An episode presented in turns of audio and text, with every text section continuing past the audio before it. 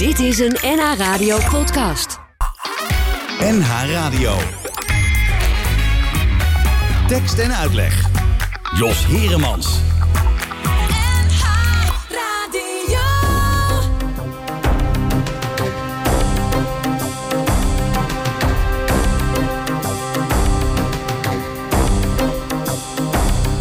Op de dag van jouw ontstaan had je moeder juist haar CNA'tje aan en je vader droeg een grijs suède jasje. Samen zijn ze op die zondag artes ingegaan. Verbaasd dat het zo zacht was voor de tijd van het jaar. Ze keken naar de dieren in de koeien naar elkaar. Verlegen schoof je moeder dichterbij, waar zij geen woorden voor kon vinden, dat werd jij.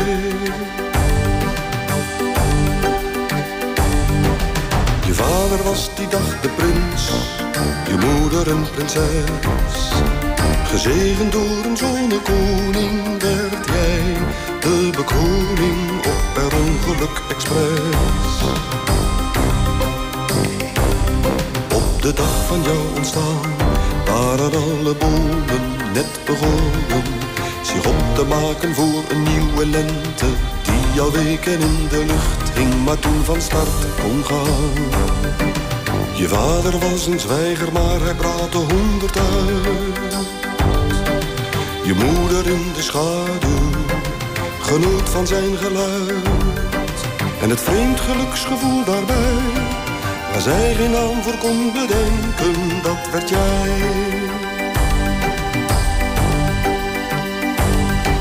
Jouw vader was die dag de prins, je moeder een prinses. In een land van melk en honing werd jij de beloning per ongeluk expres. En dan hebben ze dan later volgens jou elke fout gemaakt die mensen ook maar maken. Die eerste keer schreeuwden mussen het van de daken.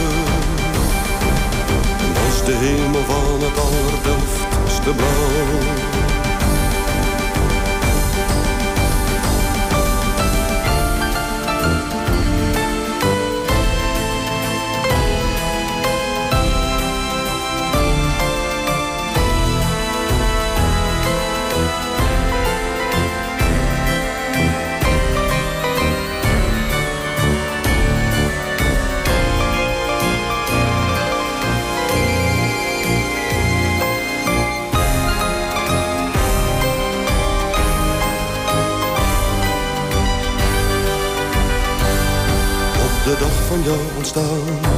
Stonden ze als bij afspraak op.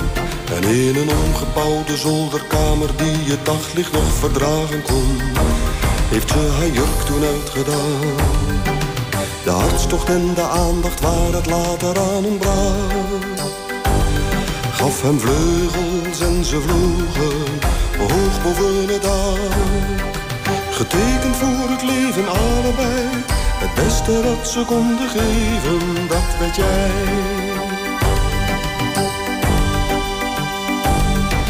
Jouw vader was die dag een prins, je moeder de prinses.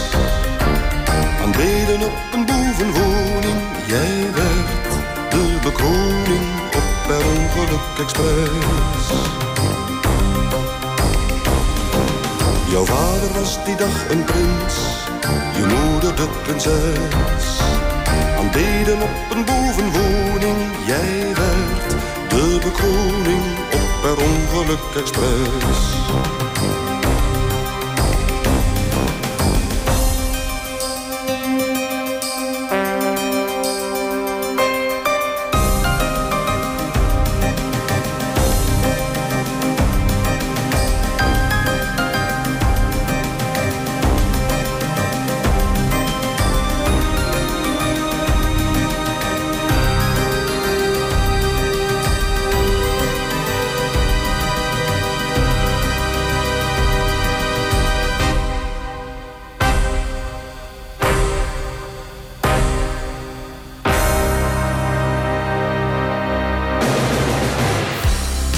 Goedemiddag, welkom bij Tekst en Uitleg. En we begonnen deze tekst en uitleg met Melk en Honing van eh, Herman van Veen. Tekst van eh, Rob Crispijn, muziek van Henk Temming. Daarover eh, later meer. Maar we hebben vanmiddag een speciale gast met vier voorletters. H-J-I-M van Gasteren. Goedemiddag, Henriette. Goedemiddag. Ja, H-J-I-M, waar staat dat voor? Nou, ze zou wel katholiek kunnen zijn, hè? Zou zomaar kunnen. Ja, ben ik niet meer. Maar het staat voor Harriet Johanna Ignatia Maria. Jeetje. En dat betekent dat je uit een uh, heel uh, katholiek gezin kwam ook? Ja, klopt. Ja, hoe, hoe, hoe katholiek was dat? Mijn vader en moeder waren best wel conservatief, zelfs voor hun uh, leeftijdsgenoten, zeg maar. En hmm. mijn vader en moeder gingen elke dag naar de kerk, als het kon. Ja. En ze verwachten in het begin dat ook van mij. Later werd het alleen in het weekend. Maar uh, ja, alles stond eigenlijk in het teken van religie. Alles stond in het teken van religie. Uh, hoe moeten we jou omschrijven? Want je bent hier niet zomaar te gast. Je bent uh, beeldend kunstenaar, fotograaf, muzikanten ook, wereldverbeteraar, aandachtvrager voor alles wat te maken heeft met uh, seksueel misbruik. Kortom, uh, je bent iemand uh, die niet rustig het leven aan zich voorbij laat gaan. Hoe zou je jezelf willen omschrijven? Dat weet ik eigenlijk niet. En daarom gebruik ik op internet vaak de term multimedia-artiest. Mm -hmm. Want dan leg ik mezelf geen beperkingen op. Dan kan ik alles doen wat ik wil. Ah, ja. En, en doe je dat ook? Of heb je periodes dat je het een wel doet en het ander niet? Uh, door tijdgebrek doe ik niet alles wat ik wil, maar ik probeer altijd alles uh, te mengen wel. Ja, oké. Okay, ja. En wat, wat was er het eerst? Het eerst, uh, nou, voordat ik multimedia-artiest was, was ik directiesecretaresse. Dat was het eerst. Ah. En toen werd ik moeder. Ja. En na mijn derde kind ben ik niet meer buitenshuis gaan werken. En toen kreeg ik van iemand een tweedehands webcam. En daarmee ontdekte ik dat ik uh, met mijn gezicht verhalen kon vertellen. En dat was wel handig, want ik schreef in die tijd wel verhalen. Mm -hmm. Dus toen ben ik die plaatjes van de webcam als illustratie gaan gebruiken. En uiteindelijk werd het dan fotografie. Ja, ook in die periode dat jij als directiesecretaresse werkte. Waar trouwens?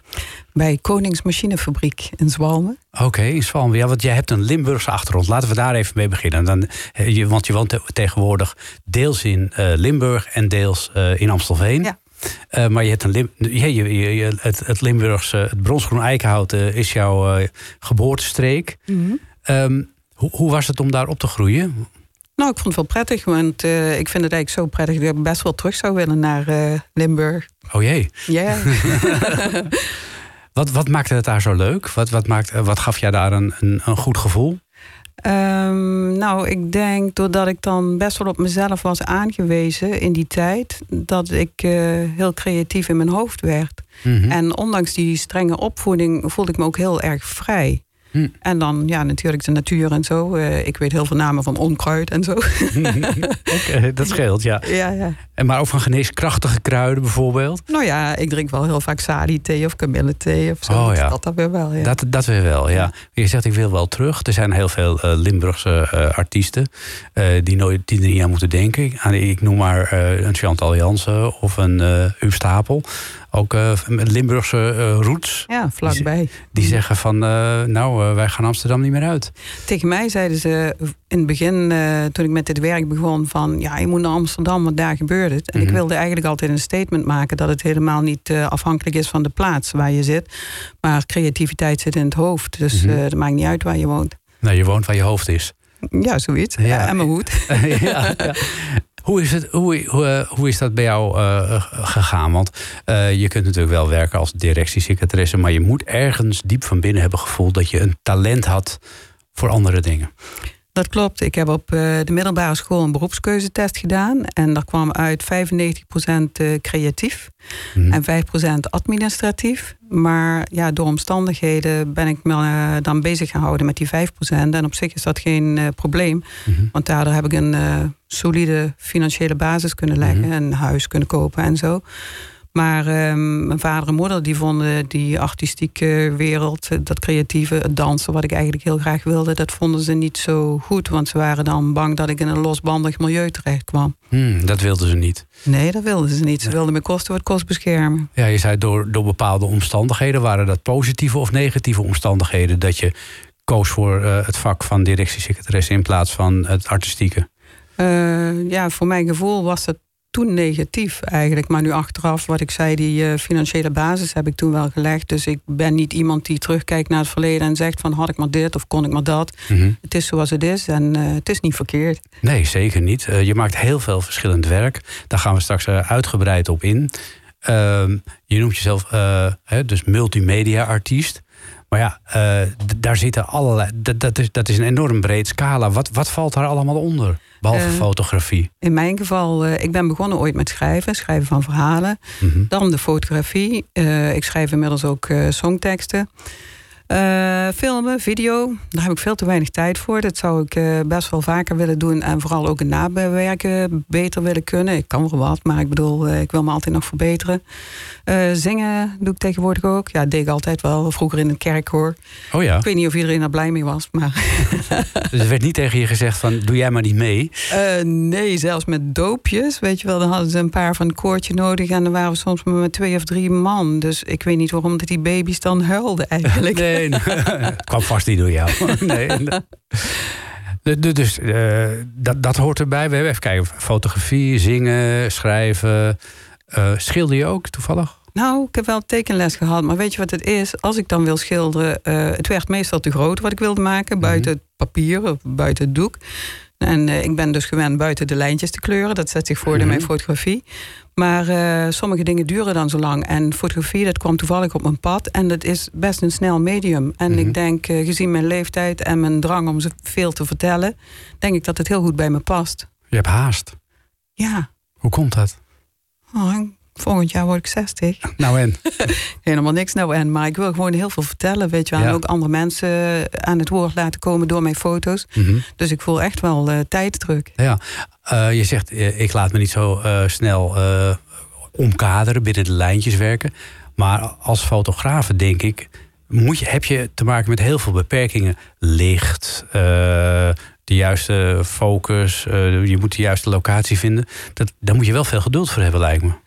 Uh, nou, ja, misschien wel, maar uh, voor mij is dat vanzelfsprekend. Ik bedoel, uh, die locaties.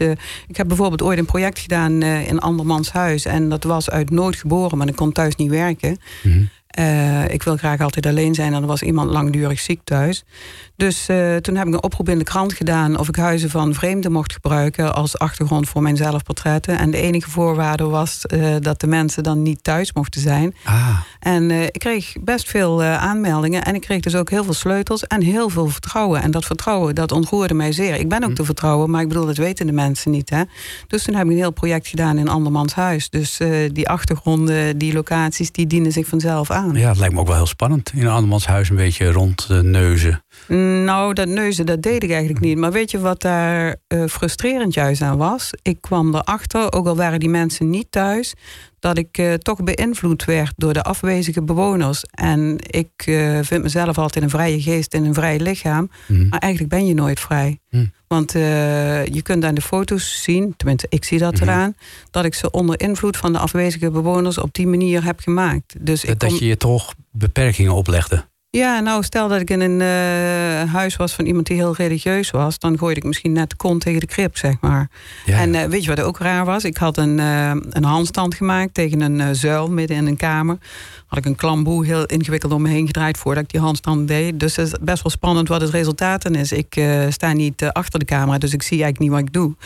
En toen liet ik die foto aan de bewoner zien. En toen zei hij, goh, mijn kleinkinderen staan ook altijd op de handen tegen die zuil. En dan denk ik, ja, hoe kan dat? Waarom doe ik dat precies op die plek? En toen had ik nog een paar van die dingen dat ik denk, ja, waarom? Zitten er toch bepaalde vibes in de lucht dan misschien? Ja, misschien ben ik daar wel heel gevoelig voor, dat weet ik niet. Dat zou zomaar kunnen. ja, ja, ja, dat kan Ik ben een gevoelig type, dus dat kan wel, ja. Oh, dat zou dus, daar, dus er zit wel een uh, grond van waarheid in. Ja, ik denk het wel. Ja, ja. Ik reageer ook heel sterk op gebouwen. Weet je, nu eh, eh, voor exposities en zo. Er zijn locaties waar ik heel graag wil eh, exposeren, waar ik wil hangen, zeg ik altijd. ja. Maar er zijn ook best wel gebouwen en die zijn dan misschien van naam en faam, waar ik dan minder graag zou willen hangen eigenlijk. En, en wat geeft dan de doorslag? Wat, wat, wat zijn die elementen die jou zo eh, eh, raken, die je zo mooi vindt? Ja, gewoon het gevoel. Of het eh, goed voelt als ik binnenkom, of ik me thuis voel. Hm. Weet je wel, en status en zo, dat interesseert mij eigenlijk vrij weinig. Dus het Rijksmuseum hoeft jou niet te bellen. Nou, dat voel ik me best goed. Oh, dat voel je wel. Nou, oké. Nou, wie weet wat er nog allemaal in het vat zit. Eh, we zeiden het al, je maakt foto's, je schrijft, je doet van alles. En je zei ook, eh, ik eh, schrijf tegenwoordig ook liedteksten, die je ook zelf vertolkt. Nou, laten we daar maar eens naar gaan luisteren. het is voor de verandering in tekst en uitleg en bij hoge uitzondering een Engelstalig nummer, de No Break-up Song. Holding our glasses high today making a toast to love and happiness. They're inseparable, I say, not to me, is what you confess.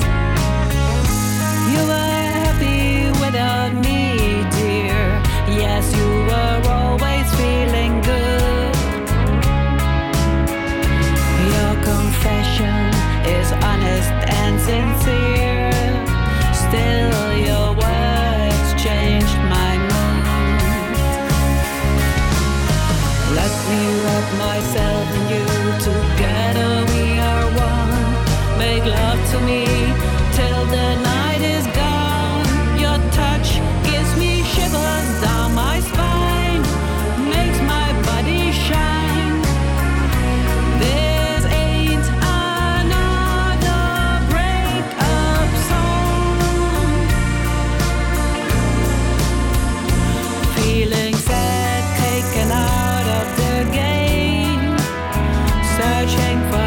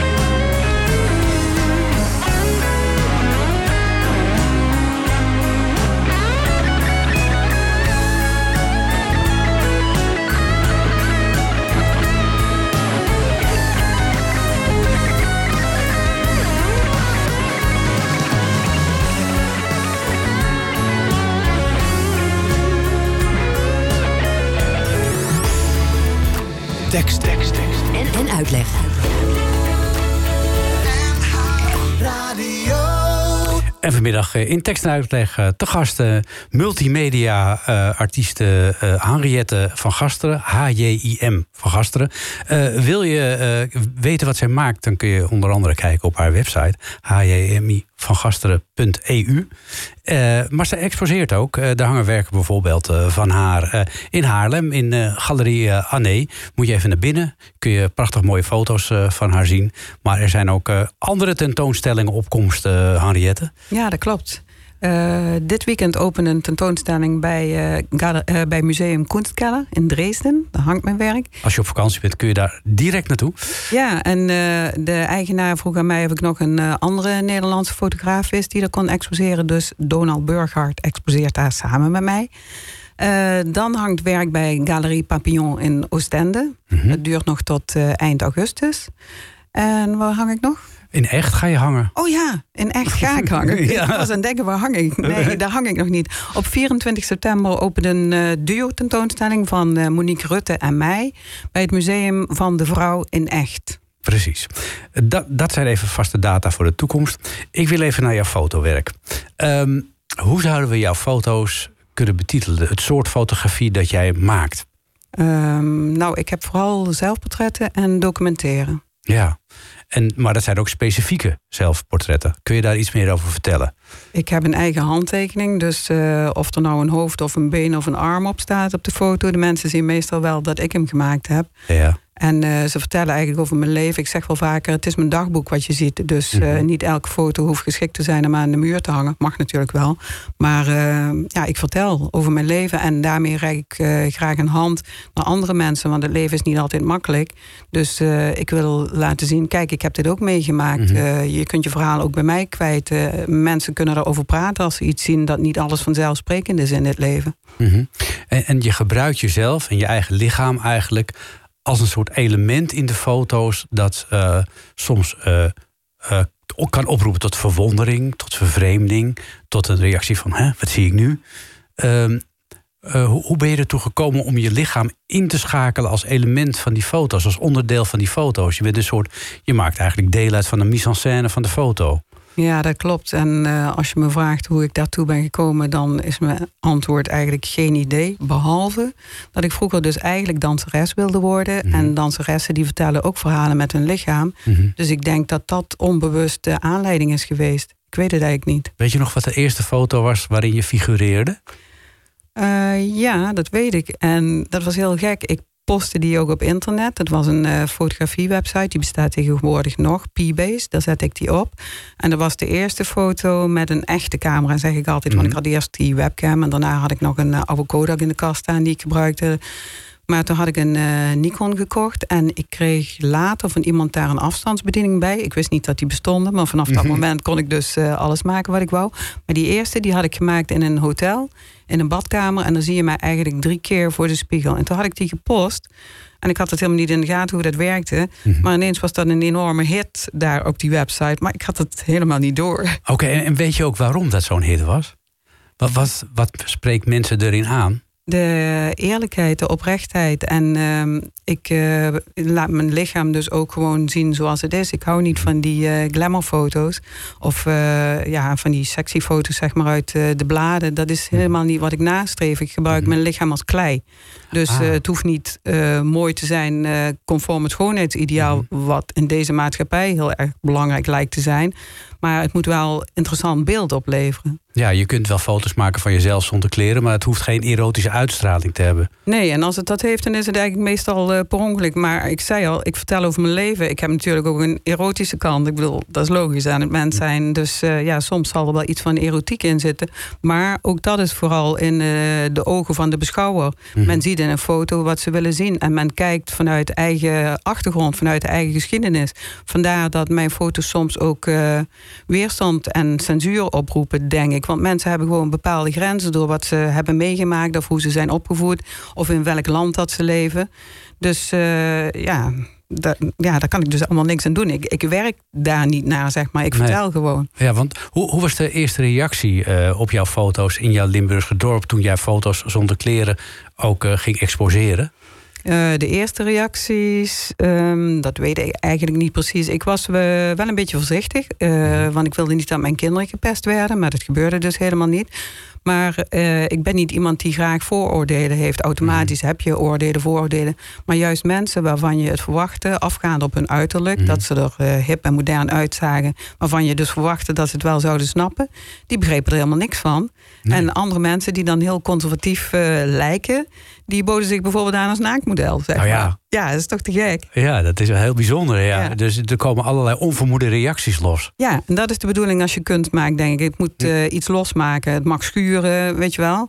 Ehm, en ik zei net al, ik word vaker gecensureerd. Maar daarom waag ik mijn werk nooit om gecensureerd te worden. Want ik wil juist communiceren. Maar je wil ook wel een statement maken. Ik wil een statement maken, ik wil prikkelen, weet je wel. Nou ja, en soms dan... ehm, worden sommige mensen misschien te veel geprikkeld, weet ik veel.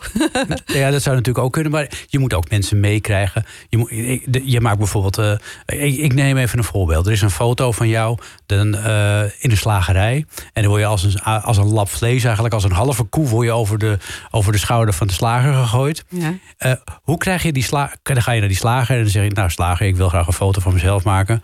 Ik heb daar niet al te veel aan, gooi hem zo over je hoe, hoe ga je dan te werk? Nou, dat is eigenlijk heel bijzonder. Eh, zoals al mijn foto's en samenwerkingen heel bijzonder zijn, vind ik tenminste. Ehm, de slager was eh, de eerste die mij ooit een betaalde opdracht heeft gegeven. Hij liet zijn kinderen door mij fotograferen als verrassing voor zijn vrouw. Kijk, en ik eh, heb dan een band met iemand. Ik vind het heel kostbaar dat hij dat vertrouwen in me had.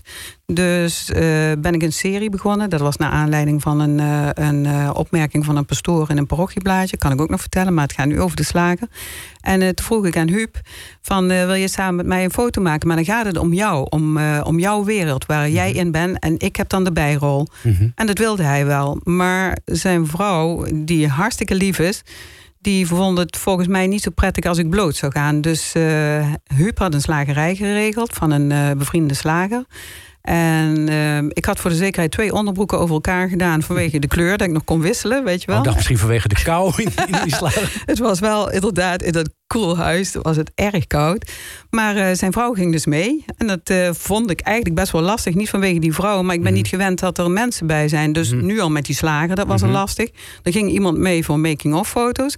En de eigenaar van die slachterij, die eh, stond in de deuropening te kijken. En dat is heel anders Ja. dan hoe ik normaal werk. Want ik ben eigenlijk altijd alleen. Maar dit ging hartstikke goed. Maar Huub... En dat is een hele vrolijke man, die lacht bijna altijd. Maar ik wilde een iets andere uitdrukking op die foto. En ik sta niet achter de camera. Dus terwijl ik over zijn schouder hing, moest ik hem regisseren. En ik kon niet zien wat hij deed. Dus ik zei tegen Huub, eh, één stapje naar voren, denk aan je gezicht. En dan drukte ik op de afstandsbediening. En op één foto trok hij het gezicht wat ik wilde hebben. Kijk. Dat is dus die foto waar jij het over hebt. Ja, ja, ja. ja, want dat, daar hebben we het eh, nog niet eh, uitgebreid over gehad. Jij werkt op een speciale manier, want jij, jij figureert in je eigen foto's. Dus dat betekent, nou, je noemde het woord afstandsbediening al, dat je eigenlijk van tevoren een soort ja, storyboard moet hebben van hoe je de situatie wil hebben. En dan, als alles klaar is, druk je op die knop. Hoe, hoe, hoe doe je dat? Nou, dus niet zo. Ik, Oh, heb, ik heb nou. nooit een storyboard. Nou ja, zeg. Ja, het is te, te gek. Hè? Weet je wat ik wel doe? Ik bepaal eh, de achtergrond, min of meer. Mhm. En dat is het dan. En dan moet ik proberen binnen dat kader te blijven. En in het begin ja, dan had ik wel eens een been eraf of zo, terwijl dat niet de bedoeling was. maar, of een, een stuk hoofd of zo, weet je. Ja. wel. Maar eh, tegenwoordig weet ik dat beter. En eh, ja, tegen die achtergrond die ik dan eh, in mijn hoofd heb, zeg maar, eh, eh, op mijn netvlies, maar niet echt. Eh, probeer ik dan die foto te maken. Dus vandaar dat ik ook tegen Huub zei, omdat ik niet precies wist waar die eh, stond, van één stapje naar voren. En dan maak ik een foto. Dus dan Ah, maak ik ja. drie foto's zeg maar achter elkaar. Dan klim ik weer van Huub af. en dan ga ik op de display kijken wat we gedaan hebben. Ja, Ja. ja. je moet, je, moet, eh, wel, eh, je, je moet niet verlegen zijn om dat soort dingen te, te doen. Ik ben hartstikke verlegen. Dat kan me niet voorstellen. Ja, maar soms eh, is het nodig om over je grenzen heen te gaan. Want anders Hm. bereik je niks in deze wereld. Maar ik ben eigenlijk heel verlegen. Ja, oké. En iedere keer overwin je dat. En dan kom je met dit soort prachtige mooie foto's aan. Want je hebt er ook geen bij de bakkerij. Die vind ik, van, ja, goed, al jouw foto's vind ik geweldig. Maar vertel nog even het verhaal van de pastoor. De pastoor. Ja, ja, want ja, want daar waren we net heel voorzichtig aan begonnen. Ja, ja eh, daar is die serie mee begonnen. Ik had een tentoonstelling in het gemeentehuis in Beek in Limburg. En eh, de pastoor al daar, die had mijn werk afgekraakt in het parochieblaadje. Die zei, als ik me goed herinner... als je het werk van Lilith, dat was toen mijn kunstenaarsnaam... als kunst wil zien, dan moet je iets aan de ogen hebben en niets tussen de oren. nou ja, dat was erg vaag. Maar ik heb dus contact gezocht met eh, meneer Pastoor. En eh, hem uitgenodigd om samen naar die tentoonstelling te kijken. En dat heeft hij gedaan. Toen hebben we daar eh, best wel lang in het gemeentehuis rondgehangen. En al die Mhm. ambtenaren die kwamen natuurlijk één voor één kijken van wat is hier aan de hand. Viel helemaal Ja. niet op hoor, helemaal niet. Nee. En toen ontstond begrip. Maar Hmm. ik was dus nog niet eh, bezig met die serie met anderen. En ineens flap ik eruit tegen meneer Pastoor. Want ik ben wel een flap uit, ook al ben ik verlegen.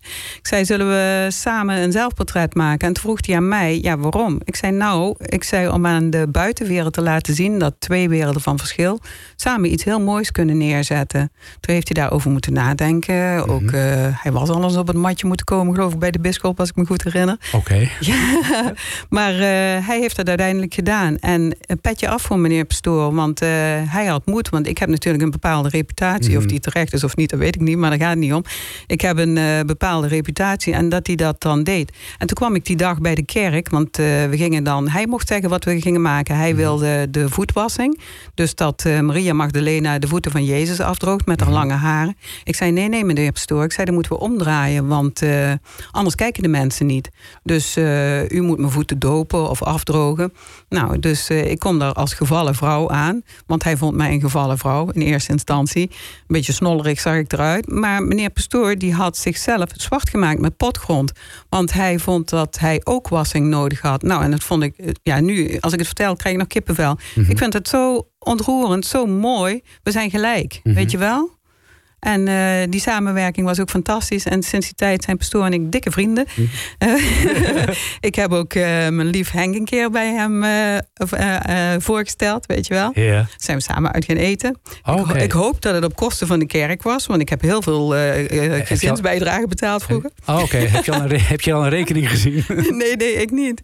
En ik heb hem nu ook uitgenodigd voor de tentoonstelling bij het Museum van de Vrouw. Want hij komt daar te hangen samen met mij. Ah, maar dat is toch bijzonder, hè? Want eh, hoe vaak gebeurt het niet dat als er ook maar een, een stukje borst of iets eh, te zien is, dat er meteen allerlei klachten bij de gemeente binnenkomen. Maar blijkbaar is Limburg veel vrijzinniger dan wij hier in het Westen denken. Eh, ik weet het niet. Het is nog een beetje afwachten. Want er waren wel klachten bij de gemeente echt binnengekomen over een schilderij. Mhm. Waarvan men vond dat een man onder de rok van een vrouw keek. Ik heb het schilderij gezien. Nou, ik zag eigenlijk geen rok. Ik zag eigenlijk ook geen man. dus eh, ja, ik bedoel... Het, Het is maar net wat je erin ziet, hè? Precies. Ja, ja, ja, ja. Eh, we gaan even naar Limburg. En als je het over Limburg hebt en je hebt het over regen...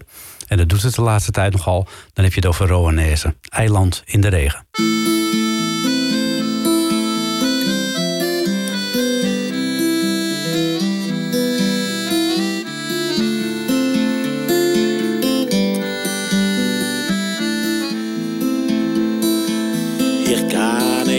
Terecht om mijn zorg te verzachten. Ben kapitein aan boord van mijn gedachten. Hier op dit grote meer, waar al de liedjes klinken. Langs grote donkere stien die altijd blinken. Eiland in de regen als de oven is gedaan onder de maan na de regen. Duurt hier en een halve uur, dan al dat moois verlegen. Eiland in de regen.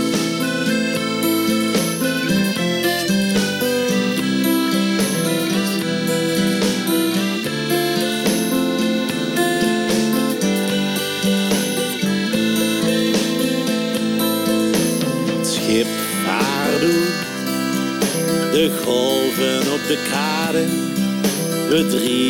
Met de stroom, God heb genade. Verder door dit land, een meerje te ontwaken. Als tussen het groene gras de stijgers kraken. Eiland in de regen als de oven is gedaan onder de maan Duurt hier en een halve uur van al dat moois verlegen. Eiland in de regen.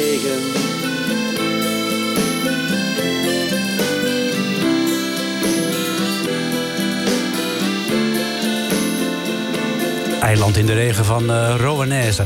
En dat uh, laten we horen omdat we vanmiddag praten met uh, Henriette van Gasteren in tekst en uitleg. Zij woont deels in Amstelveen en deels in Limburg. En zij is multimedia-artieste. Ze maakt verschillend werk. maar dus ze maakt vooral heel veel prachtige mooie foto's. Waarbij ze zelf heel vaak figureert als onderdeel van, ja, van, van de ansenering, om het zo maar te zeggen.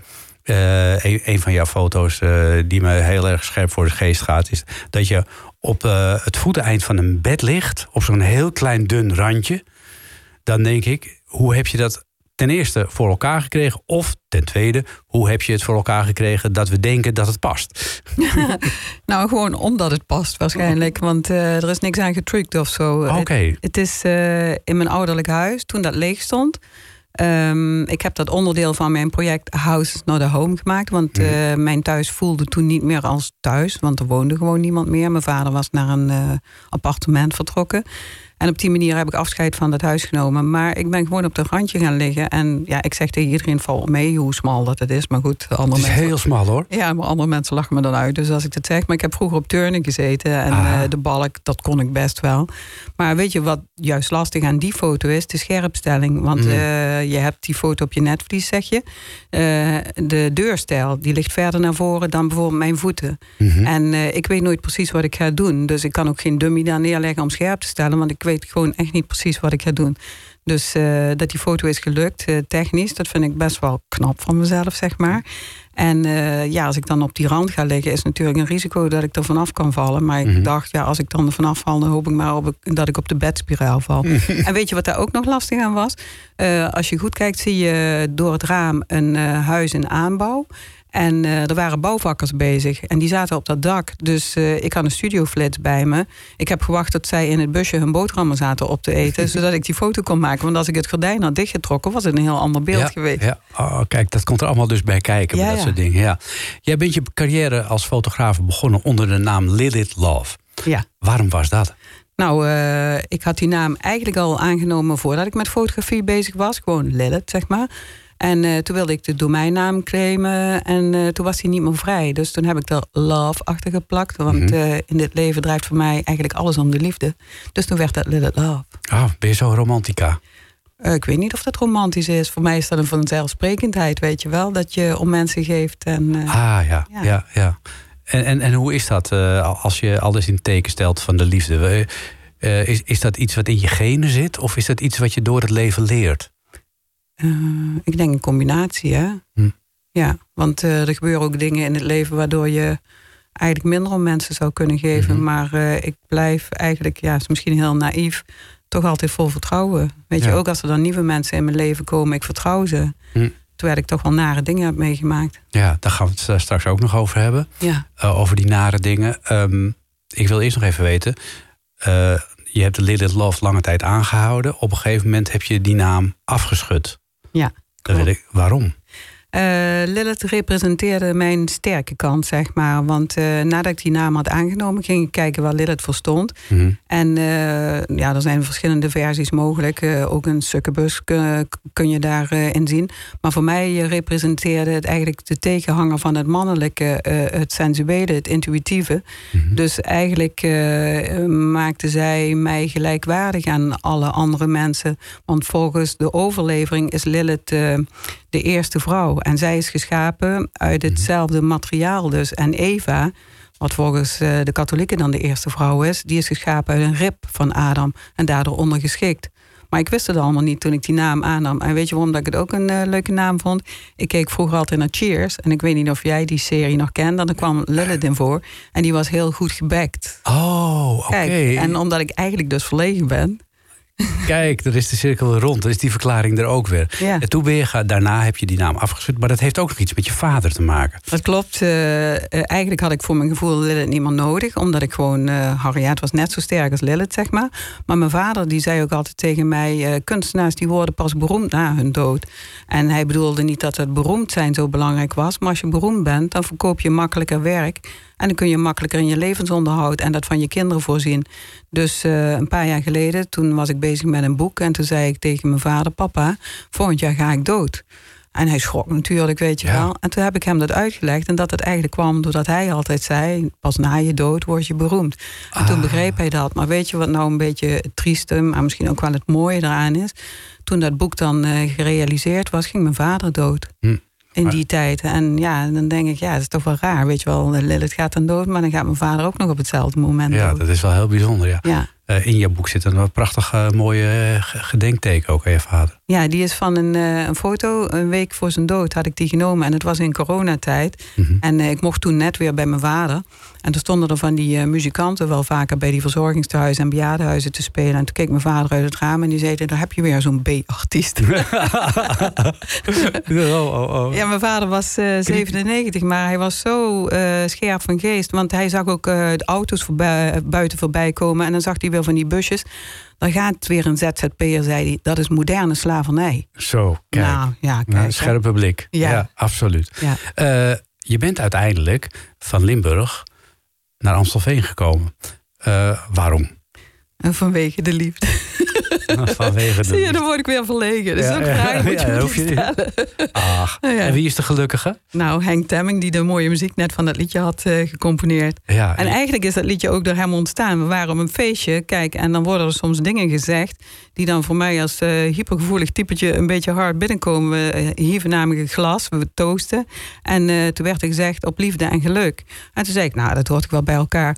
Nee hoor, zei Henk. Met andere woorden, ik dacht, oh, zonder mij was hij net zo gelukkig. Maar ja, je moet het natuurlijk wel in de context plaatsen en zo. Hè? Maar in ieder geval, daaruit werd dan die songtekst geboren, zeg maar. Kijk eens aan. en eh, je hebt eh, ook eh, voor het goede doel, waar Henk natuurlijk deel van uitmaakt, samen met de andere Henk, ook een clip gemaakt. Ja. En die kunnen we niet zien, maar we kunnen wel gaan luisteren naar het nummer. Alleen van jou.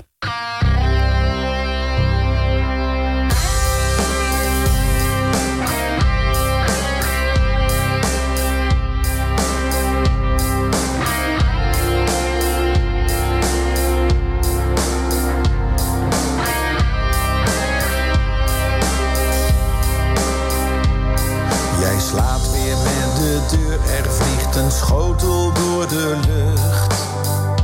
Jij hebt ons bestand gebroken, ik voel me op de vlucht. Maar dan vraag jij waar ga je heen? En als je van de spanning gaat huilen,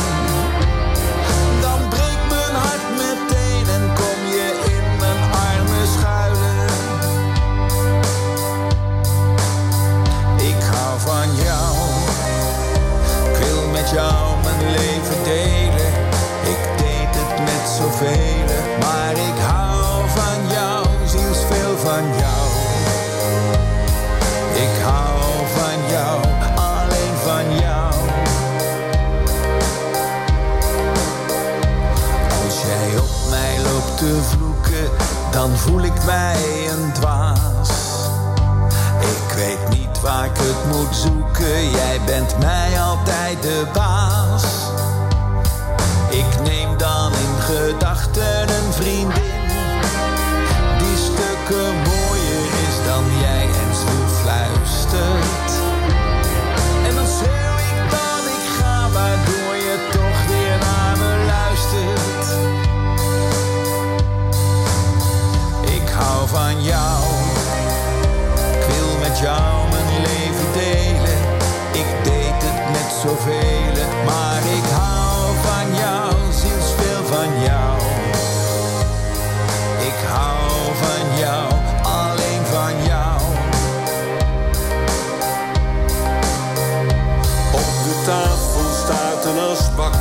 Uit een echt Parijs café.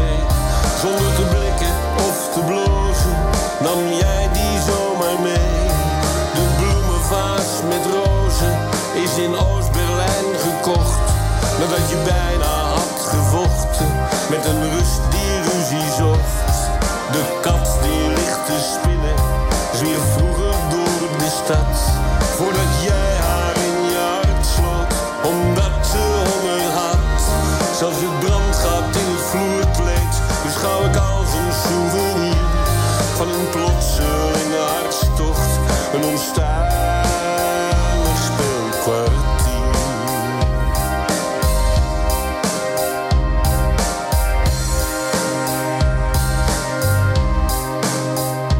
Hou van jou. Ik wil met jou mijn leven delen. Ik deed het met zoveel, maar ik hou van jou, sinds veel van jou. Ik hou van jou, alleen van jou. Ik hou van jou. Ik wil met jou mijn leven delen. Met zoveel, maar ik hou van jou, sinds veel van jou. Ik hou van jou,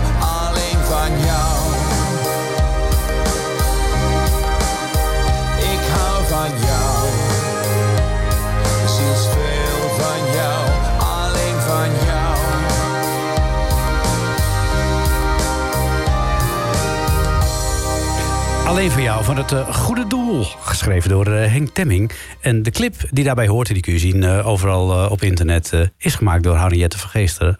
En die zit hier tegenover mij. Henriette, ehm, behalve dat jij fotografeert, maak jij je ook sterk voor het project Silent Scream. Zou je kunnen uitleggen wat dat is? Silent Scream, dat is een project dat gaat over seksueel misbruik, seksueel geweld. En eh, ik wil daders en slachtoffers, niet in dezelfde foto per se, eh, in beeld brengen en aan het woord laten, zodat zij hun verhaal kunnen vertellen. Want eh, er heerst nog een heel groot taboe rond het praten over seksueel misbruik. En met die mensen wil ik dan teruggaan naar plaatsdelict. En daarmee wil ik dan ook laten zien dat het iedereen kan overkomen en dat het overal kan gebeuren. En dat project is eigenlijk eh, geboren in mijn hoofd. Later kwam het pas eh, echt tot stand. eh, nadat mijn dochter in Amsterdam was verkracht. Ik heb hetzelfde meegemaakt. En als moeder ja, voel je het eigenlijk nog erger dan je eigen verkrachting, zeg maar. En ik wilde daar iets mee doen om mijn dochter te helpen. Maar je kunt zo weinig. Dus eh, zij had een tekst geschreven na die verkrachting. En die heette Silent Screams. Dus ik heb die eh, titel eigenlijk gebruikt als eerbetoon aan haar. Zonder die laatste S dan. Ja, jee. Maar dat, dat zijn heftige ervaringen. Hoe ben jij daar, laten we even bij jou beginnen. Hoe, hoe ben jij daar zelf eh, de rest van je leven mee omgegaan? Ehm, eigenlijk best goed, zeg maar. Ik ben natuurlijk wel ja, boos, zeg maar. Dat er iets is gebeurd. Maar ik probeer altijd, en dat is misschien een handicap... ik probeer altijd begrip op te brengen voor de ander. Ik probeer in het hoofd te kijken van iemand anders.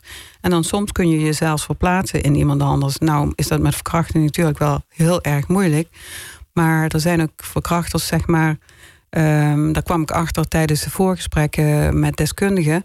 Eh, stel dat een eh, zwangere vrouw alcohol drinkt, dan kan die eh, baby, die foetus, die kan dan het feutaal alcoholsyndroom krijgen. Eén symptoom daarvan kan zijn dat hij seksueel ongeremd is. Dus eh, zo iemand kan eigenlijk nooit vrij in deze maatschappij leven. Kijk, moet ik dan boos zijn als het zo iemand is die iemand verkracht? Ja, misschien wel, maar ik kan er ook proberen begrip voor op te brengen. Hoe moeilijk dat het ook is. Ik vind dat wel heel, eh, ja, heel ruimhartig, moet ik zeggen. Ja, dat weet ik niet. En vergevingsgezind. Want je wordt toch gewoon gedwongen dingen te doen die je niet wil doen. Ja, dat klopt. En eh, het is ook ontzettend moeilijk. Maar daarom wil ik dus dit eh, project doen. Zodat er over gepraat wordt. En je hoeft echt niet alles te begrijpen. Maar als er over gepraat wordt, dat is goed. Want het werkt ook heilzaam voor eh, de slachtoffers. En misschien ook wel voor de daders. Want ik denk toch altijd dat er mensen zijn die zoiets gedaan hebben. Die dan spijt hebben. En die dan erover willen praten. eh, om een goed voorbeeld voor anderen te zijn. Maar ik merk uit gesprekken met bijvoorbeeld politie en rechters en zo. dat heel veel daders het bagatelliseren. Hm. En dan denk ik, beseffen ze niet wat voor lading dat dat heeft, wat ze hebben gedaan. Ja, misschien eh, past dat ook wel bij de persoon die het doet, dat daar minder gewetensvorming aanwezig is. Maar dat wil ik weten. Vandaar dit project. Ik wil weten hoe iemand denkt. Ja. En, en heb je al mensen gevonden? Want eh, ik denk aan slachtoffers geen gebrek. Zeker ook als je eigen dochter het ook overkomen is. Wat al bijzonder wrang is natuurlijk. In twee generaties zoiets verschrikkelijks. Eh, dus heb je al daders gevonden die daarover zouden willen praten? Eh, slachtoffers geen gebrek, zeg je. Toch is het voor heel veel slachtoffers ook moeilijk om erover te praten. Ik heb er inderdaad een heleboel gevonden. Maar Mhm. voor heel veel mensen is het toch ook moeilijk om daar... en zeker dan op de foto te gaan op plaats delict. Mhm. En daders, ik Ik heb er ook benaderd. Mhm. Maar ik heb nog niemand zover gekregen dat hij of zij wil meewerken aan dit project. En ik Mhm. zeg je met name zij. Want het is geen project tegen mannen, mannenhaat of zo. Want er zijn ook vrouwelijke daders. Dus Ja. eh, er zitten ook mannen in het project die eh, door een eh, vrouw zijn verkracht. Ja, en het is een hele brede range dus die, die je aanspreekt. Ja, klopt.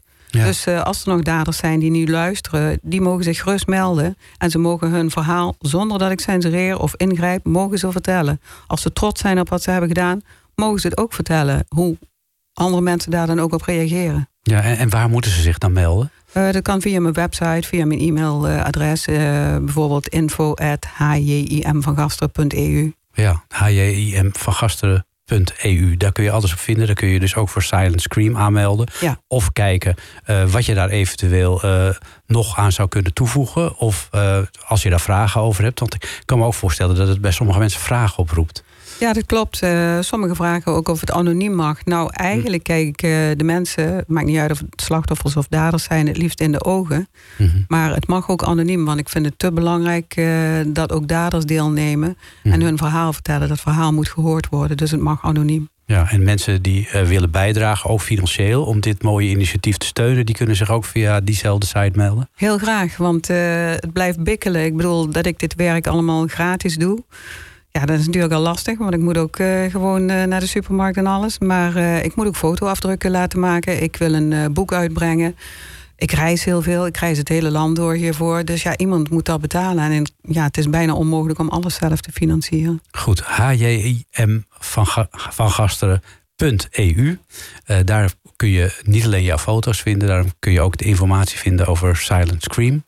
En, Weet je wie zich ook nog mogen melden? nou, Hele mooie locaties die de tentoonstelling willen laten zien. Want het is de bedoeling dat deze gaat rondreizen langs Nederlandse politiebureaus. ja. Maar ook in musea. Kijk, dus eh, Noord-Hollandse Musea. Meld je aan bij hjim van gasteren.eu als je die eh, tentoonstelling eh, binnen je huis wil houden, halen. En dat zou ik zeker doen, want dan haal je een, een groot multimedia-artiest binnen je muren. Eh, ik vond het heel leuk dat je er was. eh, en heel interessant wat je te vertellen had. We zouden nog uren kunnen doorgaan. Helaas, de tijd eh, zit erop. Ik wens je heel veel succes met alles wat je nog gaat doen. En eh, vooral met de actie Silent Scream. Nou, dankjewel. Dank voor eh, de uitnodiging en alle tijd die je mij hebt gegeven. En het eh, was niet alleen gezellig, het was ook eh, bijzonder eh, informatief. Straks na zessen gaan we nog een uurtje door met eh, tekst en uitleg. En dan heb ik allemaal prachtig mooie liedjes voor je verzameld. Met als hoofdthema de regen. Ja, gezellig. Hé, gezellig. Hé, gezellig. Hé, gezellig. Hé, gezellig. Hé, gezellig. Gezellig, hè? Dit was een NH Radio podcast. Voor meer, ga naar nhradio.nl. Radio.